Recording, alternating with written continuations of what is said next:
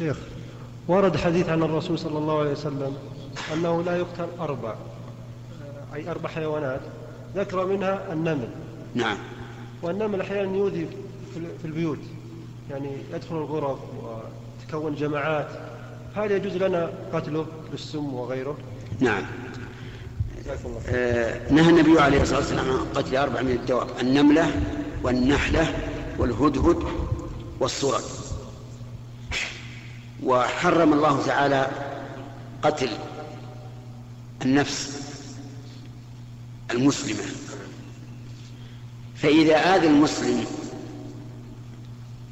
بقطع الطريق أو نحوه مما يبيح قتله أبيح قتله. ولهذا لو أن إنسانا هجم عليك يريد, يريد أخذ مالك فلا تعطيه مالك. فإن قاتلك فقاتله. ويحل لك أن تقتله.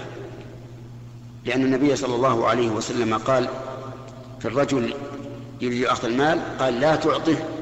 قال يا رسول الله أرأيت إن قاتلني؟ قال إن قاتلك فقاتله. قال أرأيت إن قتلني؟ قال فأنت شهيد. قال أرأيت إن قتلته؟ قال هو في النار.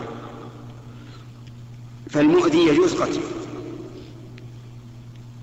فإذا كان هذا النمل لا ينتفع أذاه إلا بقتله فاقتله ولا حرج عليه. لكن هناك وسيلة قبل أن يقتل وهي أن تصب على بيوته شيئا من الغاز. فإن جربنا هذا ورأيناه إذا صب على بيته شيء من الغاز فإنه يرتحل ولا يبقى. فإذا أمكن ذلك فهو أحسن. إذا لم يمكن فلا بأس بقتله. نعم